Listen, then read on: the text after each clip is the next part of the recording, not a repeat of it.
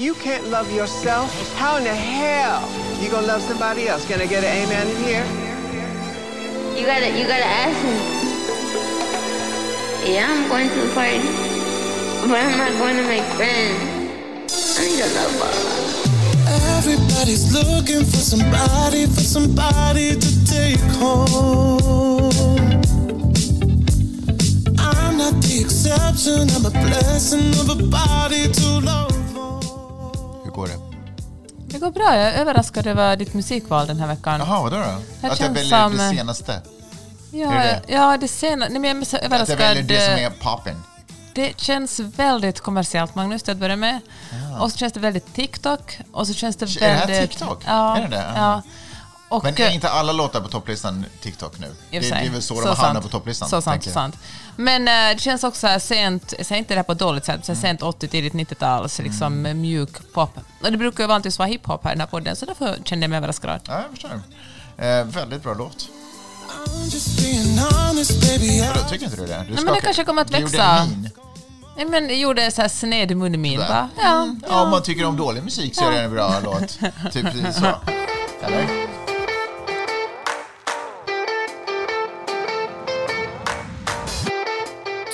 Lyssnar på Magnus och Peppes podcast.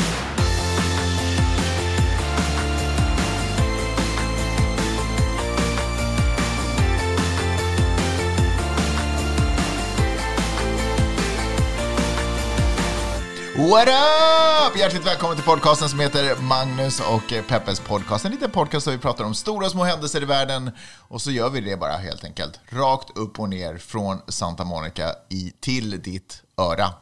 Eh, Peppe, min ständiga bisittare, sitter ju naturligtvis alltid med mig. Hur är läget? herregud, jag är verkligen inte din bisittare. Utan mig skulle du inte ha någonting. Inte ens den här podden. Nej, det, det kan Eller nej, den här podden skulle vi förstås inte kunna ha utan dig. Du ska inte ens jobba med poddar Till utan mitt mig. försvar skulle inte du heller kunna ha den här podden utan mig. Utan mig skulle du sitta i Böle tillsammans med dina YLE-kollegor och... eh, Åh, what? Vad säger du människa? Ja men eh, åtminstone skulle jag inte sitta i Santa Monica. Wow. Du alltså, wow. Hälsning, shout-out till alla som sitter i Böle just nu och lyssnar. Nu hörde ni. Det hörde ni. Jag skojar bara. Hur har, Peppe, hur har Peppe varit den här veckan? Ja men eh, det har varit en eh, bra vecka. Alltså, Har du varit bra den här veckan? Magnus, ja det har jag faktiskt. Jag är lite så här, eh, jag håller på att skriva en ny roman och jag kommer säkert prata mycket om den här podden. Och eh, jag stiger upp mellan, jag stiger upp klockan sex och skriver mellan sex och sju.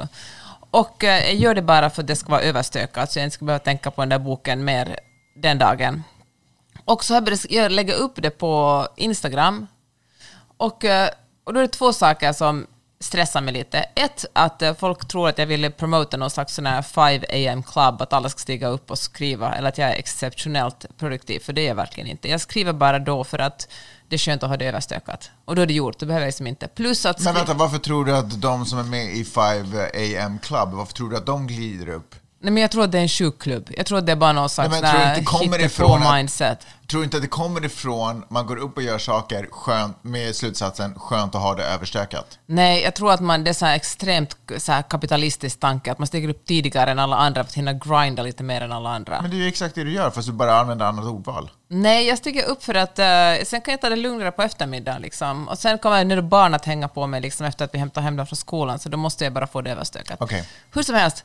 Och då har jag gjort en tradition där jag lägger upp på mina stories där jag, där jag bara, nu sitter jag här och, idag, och så skrev jag imorgon så här att idag, eh, ja, men idag var jag ganska dålig på att skriva. För så är Var det. skrev du det någonstans? På Instagram. Ah, ja, okej. ja. Och för att ibland så är det när man gör, skriver en bok, alltså det är väldigt mycket självhat i den processen.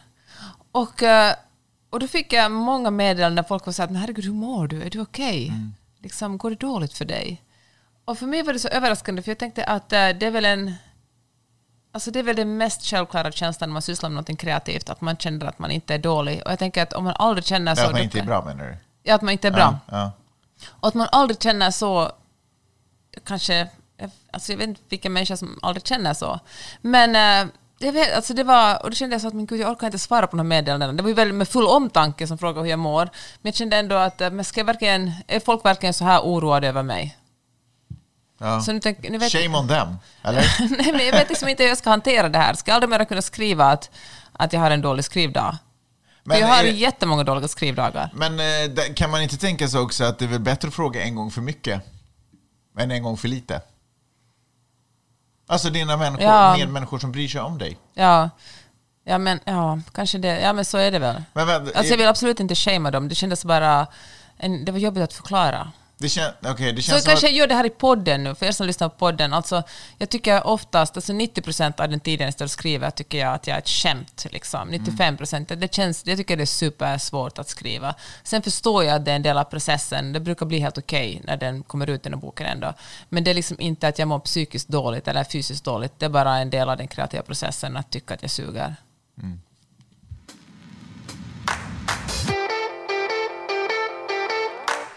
Jag ska ju dra till eh, Sverige nu eh, på onsdag. Och det är ju underligt hur jag aldrig riktigt kommer över eh, vad heter resfebern. Alltså, eh, efter alla dessa år på jorden och ändå en del resor under bältet så är det underligt hur det liksom ändå påverkar mig fysiskt. Och jag funderar på liksom, vad, kom, vad är liksom syftet med resfeber? För det är ju liksom inte en oro för att någonting ska gå illa eller dåligt. Men det är ju inte samtidigt heller ett, ett pirr som eh, när man, eh, när, det är, eh, när man väntar på ens födelsedag. Utan det är ju liksom det är ju liksom en stressblandad för... Alltså någonting sånt. Mm. Ja, det är väl förändring. Det är väl det ständiga... är det den eviga förändringen? Jag tror att det är det som att kroppen, om- eller människan motsätter sig all sorts förändring. Och det här är ju en ganska stor fysisk förändring att, Mm. att flytta på sig så långt. Det är roligt hur folk reagerar olika på resor. Du till exempel blir typ arg och på dåligt humör. Det blir dålig vibe. Jag blir liksom fysiskt nästan lite sådär sjuk, typ. Att jag mår dåligt. Jag är väl aldrig på dåligt humör. du, du är alltid på dåligt humör. Nej, Men det, det är ju intressant hur, vilka vägar vi väljer att, eller vilka vägar som vår hjärna väljer att tolka den, det, liksom, det, det, det kommande, det stundande. Jag tycker att det är intressant liksom, varför vi väljer att ta Eh, varför kroppen väljer att gå den här vägen. På vilket sätt fucking gynnar det mig? Om det är någonting som jag ändå måste göra. Men jag varför ska du jag också må dåligt Men du är förberedd. Kroppen förbereder sig på att inte ha samma känsla av kontroll som du sitter hemma i soffan hemma. Mm. Den, bara, den gör dig mer alert liksom. Ja. Vilket fall som helst så ser jag fram emot jättemycket att åka till Sverige. Det ska bli superkul. Jag ska göra ett litet framträdande kanske på Nyhetsmorgon. Det kommer bli superkul. Det kan man titta på på fredag. Och sen ska jag också umgås lite med min... Vad flinar åt? Att du måste, gör vi bara den här podden för att du ska säga att du ska vara på Nyhetsmorgon. Varför ska du vara på Nyhetsmorgon, Magnus? Jag ska prata lite om en film som jag är med i. Men det, är Ja, ingen, okej. det är ingen big idé. Vi kan Okej. snacka om det någon annan gång. Nej, jag skojar bara. Nej, men, och sen så ska jag också åka och hälsa på uh, min farsa. Det här är liksom första gången som jag testar en ny strategi. Därför att när vi är där på somrarna så är det ju ganska mycket press att träffa folk och vara på alla tänkbara platser hela tiden och, och sådär. Och det känns ju som att man aldrig riktigt levererar tillräckligt. Så det här är lite test att se om man splittar upp eh, ett besök till Sverige på några gånger. Kommer det ta bort pressure under sommaren? Men jag återkommer i höst med svar på den frågan. Okej. Eh, sen är det också roligt hur jag vet att jag ändå inte är mentalt förberedd på vädret jag ska mötas av. Mörkret, kylan och allt det där som jag på något sätt på papper förstår existerar där. Men i mitt huvud tänker jag ändå t-shirt och typ sneakers. Tror du kommer att bli besviken. det är mycket möjligt. Vad ska du göra under tiden som jag är borta? Ja, men det vanliga ska jag väl göra. Bara marra. Uh, nej, men jag ska väl rida hästar och skriva böcker och umgås med våra barn. Ja, Alltså. okej.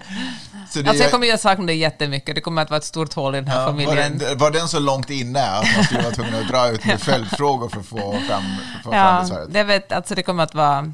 Alltså det kommer att bli, speciellt kommer det vara en stor lucka i hushållsarbete. Mm, jag förstår. Okej, ska vi dra igång på Ja. den?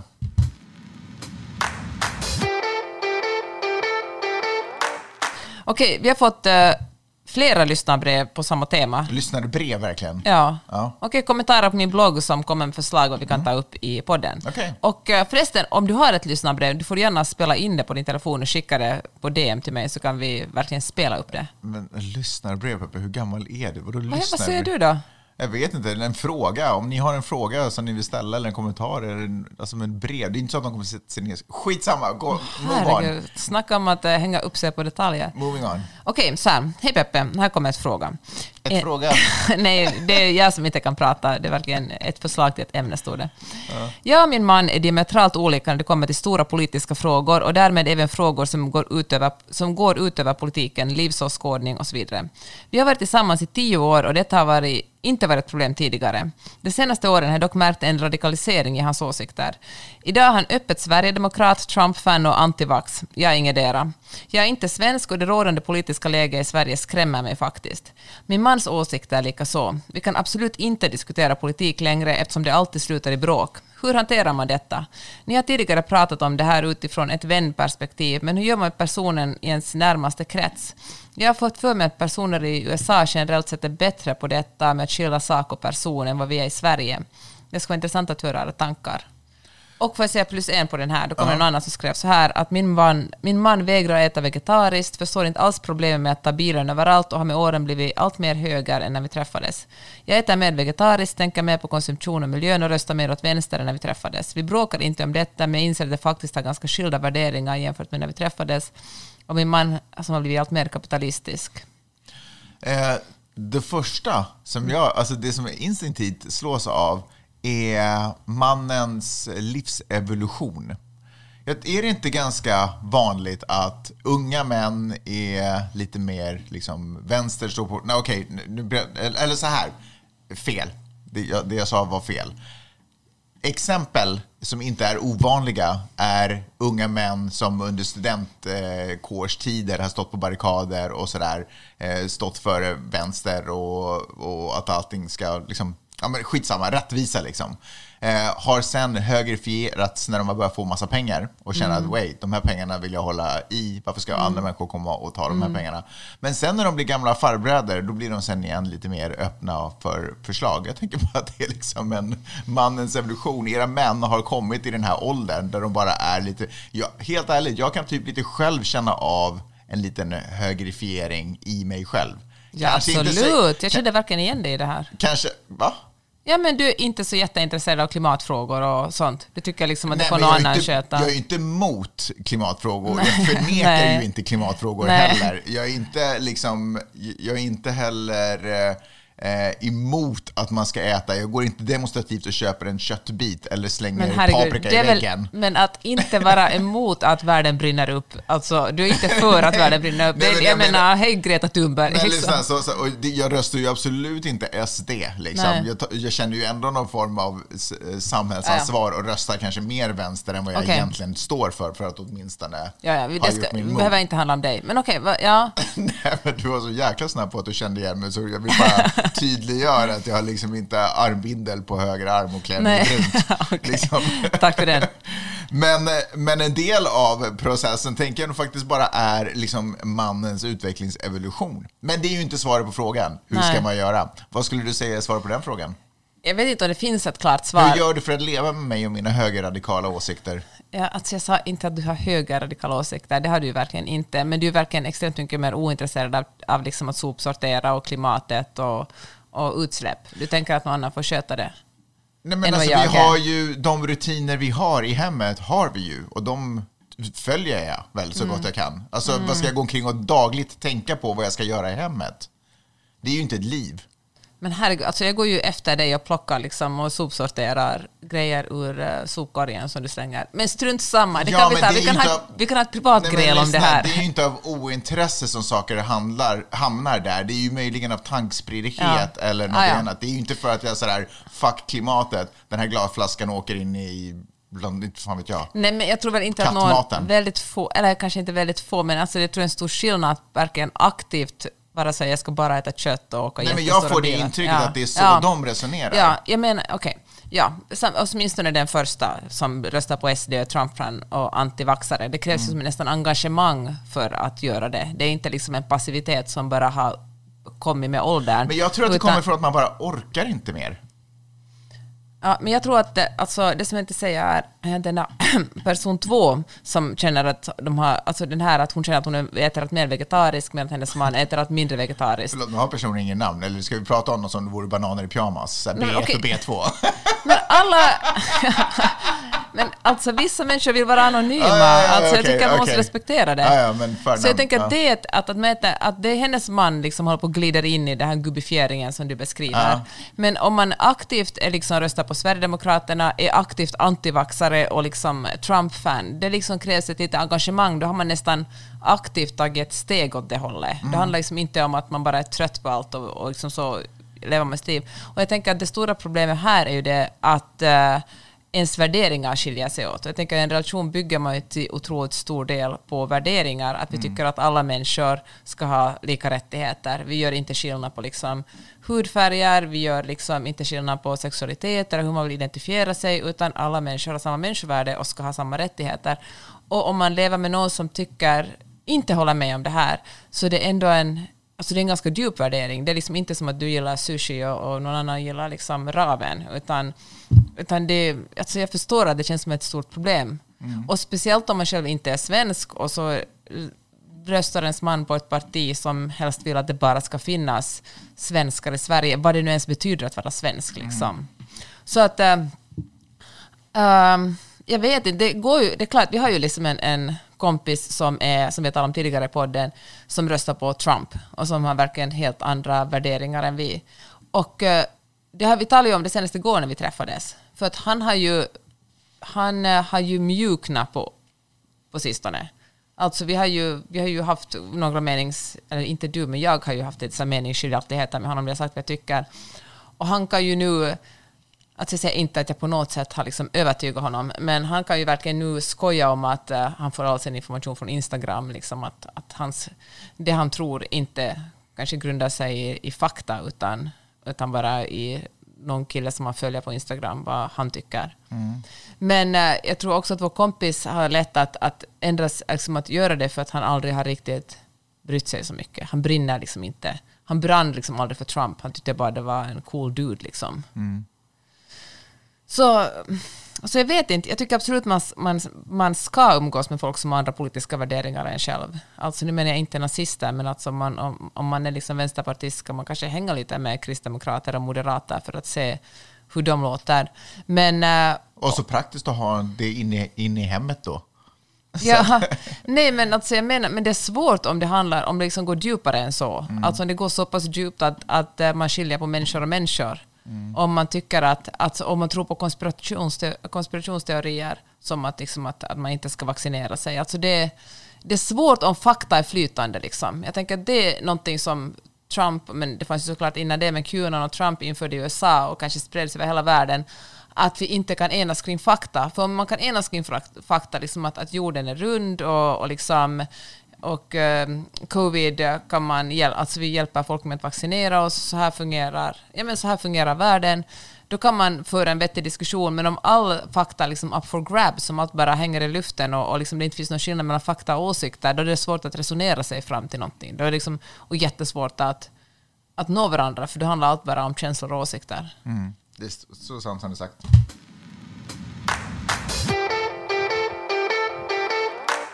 Jag skulle ändå vilja lyfta fram en liten aspekt på det där. För att du sa att det krävs ett visst engagemang om man ändå liksom, eh, om man går SDs väg eller vad man nu väljer för politisk inriktning. Men jag kanske inte riktigt håller med dig. Därför att jag tror att många män, eh, på grund av den kulturella uppfostran vi har fått, jag tror att vi har känt att det krävs en viss framåtlutning, alltså ett visst engagemang för att jobba för de förändringar som behövs i samhället, eller miljöfrågor som vi pratade om tidigare. Att det är ju ett engagerat sätt att leva egentligen. Och eh, jag ska återkomma till vår polare Corey också, därför att ni hade ju också, eller vänta, nu, nu går jag ju in i det. Mm. Därför att ni hade ju några av era kanske största eller mest eh, verbal, eller sådär ljud, vad heter det? Alltså högljudda eh, beefer. under också lite covid-år. En tid som det var generellt ganska mycket press på människor. Det var svårt och eh, oroligt och farligt och det krävdes en viss framåtlutning för att ens bara liksom var ska mina pengar komma ifrån den här månaden? Och han som jobbade med, eller jobbar med film, var det ju jättesvårt att göra film under covid-åren. Så jag tänker att en viss av den frustrationen och det så eh, var ju också under den perioden. Men det jag ska säga att de här männen nu väljer att fuck it, jag kör, kommer köra SD-linjen nu, är inte en framåtlutning. Jag skulle snarare säga att det är en tillbakalutning. Det är på grund av, eh, inte lättja, men för att man inte orkar kämpa och jobba för saker som är dels lite svårgreppbara, eh, ganska liksom diffusa eftersom man inte lever själv i den världen där man utsätts för till exempel kvinnoförtryck eller behöver vara rädd när man går hem från krogen och för att bli våldtagen av en man eller något liknande. Eh, så jag tänker att det faktiskt är ett passivt sätt att man tar ett steg tillbaka. Jag lutar mig in i, det är lätt att bara vara sådär, nej, jag tror inte på klimatförändringen. Nej, det är inte mitt problem. Nej, jag tror inte att kvinnor har det så dåligt som okej. de. Förstår du vad jag menar? Att Ja, det, jag det. det är ett sätt att slappna av egentligen in i, i sitt liv. Men hur ska man hantera det då? Säg att, att du är gift med en sån här man. Alltså om det jag säger är sant så tänker jag att det hjälper att bara ha den inställningen. Att man har förståelse för att det är jobbigt att hela tiden kämpa för att världen ska bli en bättre plats. Och ibland behöver man vila. Men man kanske kan hitta ett annat sätt att vila på istället för att välja den andra inriktningen som på något sätt inte uppmuntrar till att steppa upp sen igen vid något tillfälle. Det är ju det som är problemet med det. Liksom, det är inte problem om man är sd fram till sommaren och sen får bra vibe igen och sen kliver in och börjar ta riktiga beslut. Men problemet är om man väljer en filosofisk inriktning, om man har känt sig så trött och tror att valet, man, valet står emellan är att antingen så är jag, jobbar jag för att vi ska ha en bättre planet med klimat och, och, och samhällen, eller så blir jag en förnekare av alltihopa och väljer vägen att nej, fakta är upp till mig att bestämma. Det är ju inte de, där behöver ju inte valen ligga. Utan valen kan ju nästan, jag, jag, har, nu, alltså jag har inget bra exempel, men tänk om valet istället var att vi jobbar inte så hårt på källsorteringen den här veckan. Alltså förstår, alltså jag förstår jag menar, att det inte liksom... Att, att valet inte alltid står med att vi varje dag måste ha de här samtalen och vi hela tiden måste driva Mm. igenom. Förstår jag menar? Förstår du? Ja, jag förstår. Alltså, jag köper din... Jag köper din tänker- eh, för nu får du inte avbryta mig. Nej. Jag köper din eh, analys kring att det handlar om att det är bara för mycket som man lutar sig tillbaka när... Nej men typ eh, till den tiden när allt var bra, liksom. När det var Astrid Lindgren. När det inte typ. fanns något problem. Liksom. Ja. Men, och det fanns och det, inte... det är klart att det inte fanns problem, för att för det första, Astrid Lindgren, det var ju en... Ja, men vi var också barn då. Det är Ja. klart att vi inte hade problem. De Nej. vuxna hade ju fortfarande problem på den tiden. Och om problemen inte personligen berör en, det är ju alltså... Folk har ju otroligt svårt att se skillnaden på anekdotisk bevisföring och fakta. Mm. Alltså det är typ så här, jag har aldrig upplevt rasism, alltså existerar inte rasism. Alltså för det, eller som du säger, att, att eftersom det här inte är ett personligt problem för mig, så tänker jag inte acceptera att det finns. Och då, att, eh, det som du kanske försöker säga då är att det inte handlar om ren ondska, utan det handlar bara om eh, att man inte orkar. Ja, för det är, det är svårt att leva på jorden och hela tiden arbeta för Ja. en bättre värld. Därför Vilket är ju hemskt för det är ännu svårare för folk som inte, alltså för de flesta andra. Så är det, absolut. Men vi har all den kondisen vi har. Och speciellt om man inte tränar i det sättet så är det ju ett nytt sätt att också leva på. Och Fast- det är ganska nytt för oss. Fast nu för så här jag- behövde det inte vara när vi var unga. Nej, fast nu tycker jag att du går lite för långt, för det är ju heller ingen ursäkt. Alltså man kan Nej. inte, det är det är snarare för- en förklaring. Det är Ja. inte, alltså, det är ju att, hemskt ändå. verkligen. Men nu vet ju inte jag, nu är de ju redan i den här situationen, så personen som de lever med har ju gjort det här valet, så det är svårt att nu komma med argumenten bara jag fattar att du är trött, men vi måste ändå göra någonting. Jag vet inte om hur det, hur det funkar. Eh, jag skulle också bara vilja säga en grej just om den här uh, Corey-situationen. Eh, för att jag tänker att det är också en anledning till att han har mjuknat nu. Därför att tiden är bättre igen. Det är inte lika mycket Man behöver inte kämpa lika mycket. Eller Fast det- nu är det ju lågkonjunktur på gång. Alltså, Jo, ju, men alltså, vi pratar, jag pratar om att våra verksamheter är liksom lite tillbaka i rullar igen. Liksom. det är lättare att vara glad när det går bra för en. Jobben börjar komma tillbaka, precis. Eh, och det är inte massa människor som tjafsar om massa andra saker, om masker och konstigheter som jag inte riktigt förstår mig på. Liksom, förstår vad jag Mm, jag menar? fattar. att det, är liksom, det är enklare processer just nu och då är det lättare att vara ödmjuk också. Ja, så sant. Men verkligen. Men så tror jag också att, att det som, nu säger jag kanske en själv- en självklarhet, men eh, folk hatar ju när man säger att de kommer med goda råd hur de ska leva eller göra. Och att om man vill få folk att ändra sig så måste man vara lite listig och försöka tro att de kom på det själv. Och, eh, så jag vet inte. Och, och jag tror också att man faktiskt mår bra och får energi av att känna att man gör någonting gott. Att man gör någonting som gör Verkligen. världen lite bättre. 100%. Så det är en, en mycket bättre strategi egentligen än att eh, trycka på bromsen och säga att allt var bättre förr. Jag vill inte att någonting förändras. Verkligen, för till saken hör att allting var inte bättre förr. Det skulle vara katastrof om vi var tvungna att gå tillbaka till den tiden. Det, alltså man inbillar sig, man plockar ju russinen ur kakan när man gör sådana egna tankeexperiment över, över vilket liv jag vill leva. Vill jag leva det som jag levde på 70, 80, 90-talet eller vill jag leva det liv som jag lever nu? Så det är ju tanke, jag kan, tankeexperiment där jag kan plocka upp russinen ur kakan, liksom, som typ inkluderar att mamma kommer med smörgåsar på eftermiddagen liksom, eller kvällen framför tvn. Whatever. Det är ju liksom inte sanningen. Men jag tror att du slog huvudet på spiken där på en grej, för det, vad jag tror att det handlar om är att om man vill få någon eh, att börja jobba för en god sak så är det en psykologisk poäng i att man gör det enkelt för den personen att välja de valen, att göra de valen. Eh, och att man gör det lätt för folk att tycka som du. Om jag går hårt emot och säger att du har fel, det det är svårare tror jag. Det är en svårare mental, eh, mental vad heter det? Eh, ett mentalt hinder för, för den personen att ta sig över. Då måste man nästan bryta ner den personen för att den sen ska kunna byggas upp till, er- liksom till din åsikt. Och gör inte det. Det är Nej, ingen bra strategi. Det, det är bättre att liksom på något sätt bjuda in till, till samtalet, eh, tänker jag. Eller? Ja, eller eh, till, bjuda in eller till och med försöka få den personen att fatta det på egen hand. Alltså på något vänster.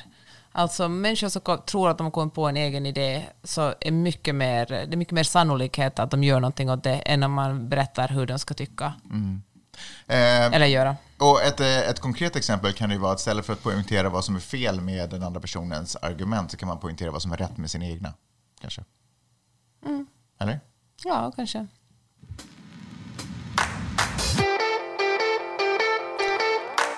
Okej, jag har en lite lättsinnigare spaning. Du vet the, the millennial pause. Alltså, för de som inte har hört talas om det uttrycket så är det när eh, millennials spelar in en video Hur man känner igen en millennial på TikTok. då, eller ja, eftersom de tar fram sin telefon, en liten paus och de kollar att det säkert spelar in och sen börjar de prata. Motsvarigheten för uh, Zoomers, alltså Generation Z, är the Z-shake. Alltså telefonen skakar till lite när de sätter den på plats. Också för att eh, Zoomers spelar ju alltid in på den bättre kameran, inte på framsidan av telefonen utan på baksidan. Det finns eh, helt enkelt, det blir en bättre kamera, man ser snyggare ut från den sidan. Och eh, det finns ju en eh, det här är ju något som händer mycket på TikTok, där eh, zoomers kritiserar eller skojar om hur millennials är och hur millennials eh, ger tillbaka. Och jag tycker det är så intressant för det säger väldigt mycket om vår kultur och hur de människorna som eh, nu är väldigt unga och snart blir vuxna, det är de som kommer att bestämma över oss alla snart, hur, förutom i USA, för där är man ju politiker, så man är liksom 100 år gammal. Men eh, hur de agerar. Och uh, hela den här estetiken är så spännande för att uh, uh, i millennials de, vi har ju inte, eller vi är ju till och med lite äldre än millennials, vi är ju liksom de sena generation X. Men för oss var eh, internet och sociala medier en eh, plattform vi steg ut på. Och det är det fortfarande. När vi lägger ut någonting stiger, gör vi oss finare, vi poserar för bilderna, det ska vara snyggt ljus, det ska gärna vara eh, så här proffskamera. Du, åtminstone tidigare när telefonens kamera inte var lika bra som nu så räckte det inte att man tog en bild med sin kamera utan man tog en, en digital bild, retuscherade den, la upp den på sin telefon och la upp den på Jäkla Instagram. process. Ja, men det var, det var, för det skulle vara snyggt, det skulle vara perfekt. Det, Och- påmi- alltså det, är det är ju närmare besläktat med 1800-talets fotografering. Du vet, där folk klev in och det, det var någon krutgrej som brann och någon klev in under ett skydke och alla måste stå Ja. blickstilla superlänge och hade på sig sina finaste kläder. Medan eh, zoomers som är födda med sociala medier, de lever liksom lika mycket på sociala medier och internet som de lever i den fysiska världen. För dem är det att gå ut på gatan och liksom ta en bild av sig själv eller filma en video. Det är liksom lika lite bryr de sig hur, mycket, hur de ser ut som när de går och köper mjölk. Men det sagt, så deras flöde är ju mycket mer så så här, okurerat, eller det är inte okurerat, för det är ju också tillrättalagt. Det är, men det är tillrättal, en osminkad eller slarvigare sminkad och slarvigare klädd och det är liksom en slarvigare performance, men det är ändå en medveten performance. Och eh, ett exempel på det här är, som jag tyckte var superintressant är fan, det är väl Kendall Jenner, en av de yngsta Kardashians, hon som, är, som, har, som blev vald som en av de yngsta miljardärerna i världen för att hon, har ett, hon, är- för att hon är född med pengar och har framgångsrika systrar och familj såklart, men också för att hon sålde supermycket smink när hon var tonåring. Hon har ett brand som säljer enormt mycket smink. Och när hon lanserade sitt sminkmärke, då var hon bara tonåring. Hon är egentligen en zoomer alltså. Hon är inte en millennial. Men de som hade pengar var ju millennials. Det var vuxna människor och det var de hon hade som målgrupp. Så när hon lanserade sitt brand och sin identitet online lanserade hon det som en person som är äldre än hon. Mycket contouring, mycket, mycket så här glam-smink, mycket läppstift, mycket perfektion. Liksom. Det var verkligen digitala kameror. Och det är hennes brand fortfarande. Men nu har vi kommit till en, en eh, TikTok-generation där det känns lite gammalt alltså. Hennes Mm. brand känns lite föråldrat. För att vi har gått vidare till något slarvigare och inte lika... Det är okej att om man har lite finnar här och där och liksom Mm. det, man ska vara mer mänsklig. Fast vi är väl fortfarande en köpstark grupp människor, eller? Ja, vi är det, men vi håller ändå på att tyna bort. Vi liksom är sådär, herregud, vi är, börjar närma oss medelåldern, vi är sådär, smink är viktigt, men vi är en annan sorts... Förlåt, men, ursäkta att jag avbryter, men vi kan väl inte tyna bort vid medelåldern? Vi är väl starkare Nej. än någonsin? Vi är starkare och vi har... Och, nej, men millennials är ändå ett, kanske intresserade mer av anti-aging än hur man ser glammig ut på en nattklubb. Just det. Och anti-aging kan vi tala om en annan gång, för det är ju också fan... Anti-aging, det är ju liksom synonym till döden. Alltså det enda sättet man inte Det är åldras konstigt, på... för är- ordet antyder ju motsatsen. Nej, men det enda, alltså man börjar ju åldras från det att man föds. Ja. Alltså det enda sättet att sluta åldras är ju att vara död. Okej, jag fattar. Ja, men det kan vi tala om en annan gång. Hur som helst, Kanske man egentligen borde se att vi börjar förmultna redan när vi föds. så vackert man komposteras liksom. Nej, men jag tycker det är spännande. Alltså Kardashians, som vi talar om i den här podden, för de har ju en enorm inverkan på kultur, skönhetskultur, skönhetsideal, liksom populärkulturen. Jag tycker det är så spännande hur de ska göra det här, för det går ju såklart att, att de är ju också duktiga på att förändra, att liksom justera sina brand. Men det är svårt att eh, tror jag, att förändras för mycket. För då tappar man, då kanske man upplevs som ogenuin och oäkta om man går från att vara en viss sorts brand som folk har vant sig vid till att gå till någonting helt annat. Det kan lyckas, man kan också radikalt misslyckas. Så det ska bli spännande att se hur Kendall Jenner fortsätter att eh, för att hon kommer att sälja mindre smink, lovar jag dig. Alltså den köpstarka, alltså de som glider in nu och börjar shoppa smink för att de ska se snygga ut på nattklubbarna eller vad nu Zoomers gör, de kommer inte att eh, köpa av henne. Men eh, varför, men varför kommer de inte köpa av henne? Varför, varför eh, kan hon inte bara göra nya produkter? De, gör ju För förny, de de, inte- förnyar ju sig hela tiden. Också för att hon använder av sig, sig av sig själv i marknadsföringen och hon är inte där. Jag, det är det jag menar, jag sa att jag tror att man kan, man har en radie på, man har jag radie på hur mycket man kan förändras. Men om hon går från att ha liksom millennial estetik till zoomer estetik, jag vet inte om det resonerar med hennes brand. Men nu känner jag också sådär, vadå, i dagens samhälle känns det som att man kan verkligen sådär kan eh, pinpoint an, eh, pinpoint-anpassa reklam till olika människor och grupper och kön och platser på jorden. Mm. Det borde ju kunna gå att liksom ha nästan två separata eh, företagsimager. Förstår du vad jag menar? Mm, kanske. Tänker jag borde vara helt möjligt. Alltså jag säger inte att jag är orolig över deras ekonomi. Nej, nej, det, de kommer att vara Hur okej. ska hon betala räkningar? Hur ska kunna köpa sitt eget smink? Men jag tycker ändå det är spännande att Mm. se när det sker ett skifte i mode och liksom eh, hur man klär sig. Alltså det som vi tycker är det fulaste som finns, alltså den här eh, millennieskiftet, jättelåga byxorna och stringtrosor som tittar fram från liksom i glipan. Mm. Det tycker vi är jättefult. Det tycker liksom Generation, Generation Z är jättesnyggt. Det snyggaste färgen är så här neongrön för dem liksom, som vi tycker är... Det är så... Um, ja, men jag tycker eh, det, internetkultur är ju, och kultur går ju hand i hand. Det är ju superspännande. Jag tycker det är otroligt spännande och jag tänker prata om en grej som Gen Z försöker ta ifrån oss eh, av någon underlig anledning.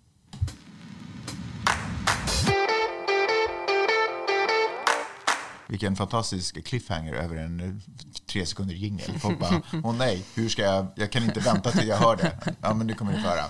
Nej, men eh, du sa ju att eh, Gen Z är de som kommer ta över och liksom leda hela världen. För det första, tveksam typ till det. Jag tror att vi har väldigt svårt att släppa taget om saker och ting och vi litar inte riktigt på Gen Zs förmåga att ens skapa någonting, om vi ska vara helt ärliga. Om vi tittar på det innehållet som de gör på eh, sociala medier så det är ju ingenting som imponerar på oss. Vi tycker ju att vi är den sista generationen som på riktigt sk- har skapat, kreativt skapat innehåll. De bara visar skit liksom. Av den enkla anledningen som du säkert förklarade att vi har ju skapat socialt media för att vi vill ha en scen att kliva ut på. För vi är uppvuxna med tv och media som var bara tillgängligt för vissa människor. En gång i tiden i Sverige, vackra stockholmare, nu vem som helst. Eh, Så vi vill ha en scen där vem som helst kan kliva upp och ha en liten, som du säger, performance, vilket är ett fantastiskt, eh, är det typ ett svenskt ord? Performance? Jag tror det. Okej, skitsamma. Eh, men, men, men, men det som vi har gjort med den här, eller det som hände med den här scenen är att Gen Z gick förbi och bara gjorde det en del av deras stadsbild. Så där har vi byggt upp en fin, du vet, konserthall för oss. Och de bara går omkring som om det vore en ölpark. De bara tar sin filt och sprider ut det på deras scen och så bara lever de sitt liv där. Vilket är otroligt fascinerande. Eh, för det får ju oss att känna sig lite dumma när vi har stått där och ser superspeglade Vi har gått och- via sminket liksom. Ja, men verkligen ha på oss våra finaste kostymer och kravatter och alltihopa. De bara sitter där och vet, lever sitt liv. Men eh, det vi ändå också eh, typ höll på att lämna, det var därför vi skapade scenen, det var ju tv-branschen och radiobranschen. Vilket Gen Z, har en otrolig fascination för, verkar det som. De vill till vilket pris liksom in där och få vara där. Och det är underligt, för det är ju inte riktigt kopplat med vilka som tittar på det, för det är ju typ ingen som tittar på det Nej. på tv längre. Men de har ju en Det är typ boomers som tittar på TV. Ja, men de har ju en otrolig fascination för det. Det är ungefär som att vi, eh, millennials, nej vänta, jag är, är vi millennials? Nej, men borderline. Nej. Jag är Gen X förresten. Ja. Jag är ju fan ännu, det är ju två generationer från Gen Z. Skitsamma. Men det är ju som att vi skulle vara sådär och... Du är millennial i hjärtat, Magnus. Ja, och tänk om man bara fick vara i en monter på ett museum. Så det, det Ja. känns så här. Och när man bara, tänk om man kunde få vara där med de här uppstoppade djuren och folk kunde gå förbi och titta, betala för att komma in i salen. Och så hade man en egen monter. Liksom. Eh, Så jag tycker det är otroligt fascinerande deras, liksom så där, jag måste, vi måste synas på TV. Alltså jag håller med dig. Samtidigt tänker jag, hittar du på den här spaningen bara för att du ska vara med på TV nästa vecka? Nej, men för mig, för mig som är född och uppvuxen med TV eh, så är ju det den, det högsta priset. Så de har ju liksom ändå kopierat Mm. den drömmen. Den har vi liksom, eller inte kopierat, vi har liksom smittat av oss. Ja. Det är det mest den. prestigefyllda, för då är man utvald på något sätt. Men kanske det handlar om det, att vem som helst kan finnas på sociala medier, Mm. men är du med i TV, då är du utvald. Du har någon annan, en tredje part, pekat på dig och sagt att eh, du får vara med i det här. Men det är också otroligt fascinerande, för att de är ju inom citationstecken, nu pratar jag om influencers och de som har blivit stora och har massvis med följare, är ju inom citationstecken redan utvalda av folket, av tittarna, av liksom, de är ju redan det. Men av någon anledning så behöver de en auktoritet Ja. som talar om för dem att you're good.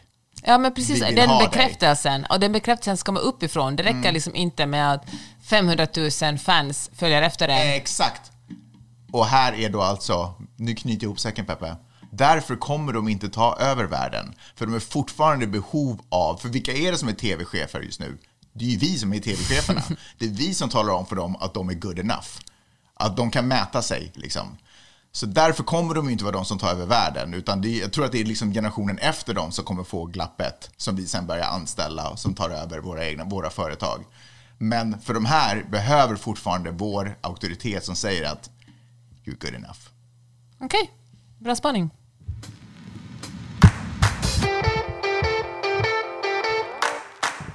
Har du, eh, vi har knappt talat någon amerikansk politik, men kanske vi ska bespara folk från det också den här veckan. Eh, jag kan inte se att det skulle ha hänt någonting exceptionellt annat än att folk bara skjuter ihjäl varandra. Och Amy Schumer hade ju en otroligt bra kommentar på det där att i dagens amerikanska samhälle så förväntar vi oss att folk ska vara hjältar och, och kasta sig in framför, framför vapenbärare. Men, eh, men vi har inte tillräckligt mycket mod att säga att NRA eller de här vapen, att det är de som ska, liksom, eller politiker har inte tillräckligt mycket mod att kasta sig framför dem. Ja, alltså det här landet är ju så vilda västern. Det, Nej, det är är, katastrof. Det är ju en våg nu. Alltså det är ju katastrof. Det skjuts ju hela tiden. Ja, det sköts ju uppe senast, inte senast, men alltså en av de senaste i Kalifornien var uppe i Half Moon Bay där vi var bara för någon månad sedan. Mm. Alltså, på en bensinstation hade någon i bara skjutit ner främlingar. Otroligt, otroligt obehagligt. Och eh, nej men det är så mycket, det är verkligen, alltså det är ju en bananrepublik. Jag tänker mycket på den här George Santos som vi talade om för några veckor sedan, alltså den här republikanska kong- kongressledamoten som har ljugit om allt. Alltså ljugit om, eh, han har ljugit om varifrån han kommer, han har ljugit om, eh, om hur mycket pengar han har, och, alltså googla honom. Men, eh, och han har ljugit om saker som att han är av judisk härkomst, alltså han är Jewish. Och när han blev konfronterad med det här sa han att, att det kanske inte stämde, men de hade missförstått honom, för han sa inte att han är Jewish, utan han menade att han är Jew-ish. Nu, nej, säg den då. Det är Alltså det, det verkar som att vara med i Saturday Night Live, Ja. fast på riktigt. Men du är en jätteunderlig tid. Eh, vi, du sa ju att vi inte skulle gå in på amerikansk politik. Ja, men det jag ville första bara- du droppar är Nej, men amerikansk jag- politik. Jag har tänkt så mycket på den här George Santos alltså. Var det liksom good for honom? Han är så drag queen i Rio de Janeiro och, och uh, hitta, och vilket in, det är inte hitta på, så det tyckte jag han kunde gå ut med. Det är ju väldigt coolt. Men så har han också sagt att han har, liksom, han har räddat 2500 katter och hundar från att bli avlivade genom sin non-profit. Stämmer inte. Han har bara hittat Alltså det är så... Han har inte ens en non-profit. Nej. Alltså det är så mycket... Det är verkligen lögner som man... Han ser inte ens skillnad på hundra katter. Nej. Det gjordes ett test. ja, nej men, eh, nej okej vi ska inte tala mer om det, men det Ja, nu är... har du redan öppnat den Pandoras ask. Eh, Jag har ju undrat lite hur det går för Trump om han har gett upp, för han har varit så jäkla tyst. Men nu höll han ju ett litet brandtal där han sa nej, nej, nej, jag är argare än någonsin. Jag kommer absolut eh, ställa upp och det här kommer bli glorious. Och kriget i Ukraina skulle kunna få slut på, på 24 timmar och hade jag suttit som president så hade Putin aldrig ens gått in i Ukraina. Så han är nog, han är fortfarande liksom out Det är väl- there swinging. Det är väl för att eh, hans kampanjkassa börjar tryta, så han måste väl göra ett, ett uppträdande för att samla ihop mera pengar. Men eh, ja, det är ju... eh, Men jag menar så det finns fortfarande underhållningsvärde också kvar i eh, amerikansk politik. Ja, men det har vi väl aldrig saknat på något sätt. Nej. Eh, men kanske ändå det om amerikansk politik, Ja. eller? Så tar vi med nästa vecka.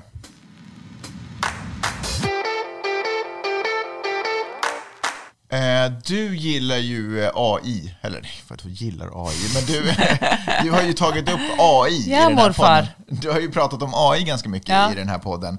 Jag känner att du har en viss fascination, slash nyfikenhet inför eh, vilka möjligheter som kan komma med eh, till exempel eh, att AI skriver texter och journalistik och kopplat och sådär.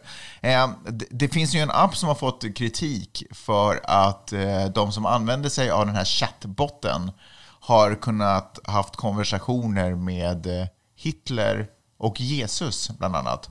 Eh, så den, så den chattbotten har fått en liten flashback. För det första tycker jag, det är ju bara, eh, det är bara eh, Gen X, alltså min generation, som kan bli frustrerad över att folk har samtal inom citationstecken med en chattbot som utger sig för att vara Hitler. Alltså, hur? Det är ju inte Hitler för det första. Och för det andra, what the fuck liksom. Allting är så konstigt och så hittepå, så egentligen förstår jag inte. Men vad, hur förhåller du dig till att man låter AI återskapa historiska, inte så positiva eh, personligheter och sen berättar och sprider sitt eh, ord? I don't even know. Jag vet inte, det är så komplicerat det här. Jag eh, tänker så här, alltså yttrandefrihet handlar ju inte om att alla ska få hör, höras hela tiden. Och jag menar ChatGPT som är ju den alltså största OpenAI ja. som det finns andra och Google håller på att utveckla sin egen. Det är ju Microsoft som investerar jättemycket i den här. Eh, så att om man vill investera sina pengar kan jag rekommendera att investera i Microsoft för det kommer att gå superbra för dem. Oh. Ännu bättre. Ja. Eh, Nej men eh, jag tänker att det är klart att, att de går igenom vad som, kan, vad som är okej och vad som inte är okej. Alltså om du, det talade vi om tidigare på podden, om du säger eh, hej ChatGPT, uh, chat, GPT, kan du snälla hjälpa mig, vi låtsas att jag är en, en terrorist, hjälp mig bygga en bomb. Då kommer den att säga nej tyvärr kan jag inte göra det, det kommer att finnas begränsningar. Men när det kommer, jag vet inte liksom vad är, jag förstår kanske inte exakt din fråga, ska man förbjuda vissa personer att, ska man förbjuda alltså jag- ChatGPT GPT att, att vara, eller några andra motsvarande AI att vara Hur en... skulle du kommentera det faktum att eh, vissa människor har blivit upprörda över att användare av chattbotten använder den för att kommunicera med eh, de, Mm. de ber chattbotten vara Jesus eller vara Hitler och kommunicerar med den, de här jag det går ju inte att säga Nej. personerna, det, det, det blir tankefel. Liksom. Så Ja. Man kan ju inte säga de här personerna, men eh, på, på, med det här eh, utgångs... Alltså så här tänker jag alltid, när någon är så här, gud vad du blev kränkt nu, så tänker jag att det kan ofta vara ens första reaktion, man bara, men hej, lugna ner dig lite, liksom, du överreagerar. Men det kan alltid finnas en orsak att fundera ett extra varv kring varför är den här människan så kränkt? Finns det, finns det någon slags, är det bara upprörda känslor, eller finns det någon slags grund i varför den här personen känner så här? Just i det här fallet, nu har jag inte hunnit fundera igenom det här, men tänker att det väl känns mer som ett konstprojekt. Liksom. Alltså det, det skrivs ju böcker om Hitler och, det, och Mussolini och liksom Stalin och det, det och görs filmer. Kan man se det som en, ett konstprojekt? Liksom? Man måste, för de här personerna är ju uppenbarligen döda, så man måste förstå att det inte är som du sa en riktig person man pratar med, utan att det är så här skulle den personen ha sagt. Och inte ens det är ju säkert. Alltså, För, nej, det är, ju, det är ju inte fakta. Alltså jag menar, det är ju också... Nej, man kan ju inte, det är ju en sak man måste komma ihåg när man använder de här, att det inte, alltså de är inte så pålitliga jag, alltid. jag tror inte att vi människor är riktigt kapabla att... Jag tror att, precis som när jag ska åka till Sverige, jag förstår att det kommer vara mörkt, kallt och regnigt. Men jag kan inte etablera den känslan i min kropp och därför är jag hela tiden på gränsen till att lura mig själv. Låta mig själv vaggas in och luras. Och jag tror att människan har otroligt svårt att, med en chatt, att chatta med en chattbot efter ett tag koppla bort det faktumet att det här inte är en riktig konversation. Förstår du vad jag menar? Ja. Och då blir ju mötet med de här eh, chattbots-inställningarna verkliga möten. Och det är ju weird. Det är som den filmen, alltså She, Mm. kanske vi ska säga om. Spike Lee gjorde väl den. Um, men jag tänker just på, ja, nej jag håller med om dig. Alltså, jag håller verkligen med dig. Jag, hör, um, jag läser just nu Trevor Noahs biografi Born a Crime. Och där finns det en sekvens där han berättar hur han blev DJ. Alltså han, han var otroligt busig och liksom... Men han, han, Busig? Men han har gjort mycket bus. Han, nej, men han berättar att han växte upp i, i, under apartheid i, i Sydafrika. Jag, kan, jag kanske sist på bollen att läsa den här, för den kom ut för några år sedan. Men det är verkligen jättebra om man vill lära sig lite mer. Man fattar ju att det fanns apartheid, men liksom exakt hur det, vad det gick ut på.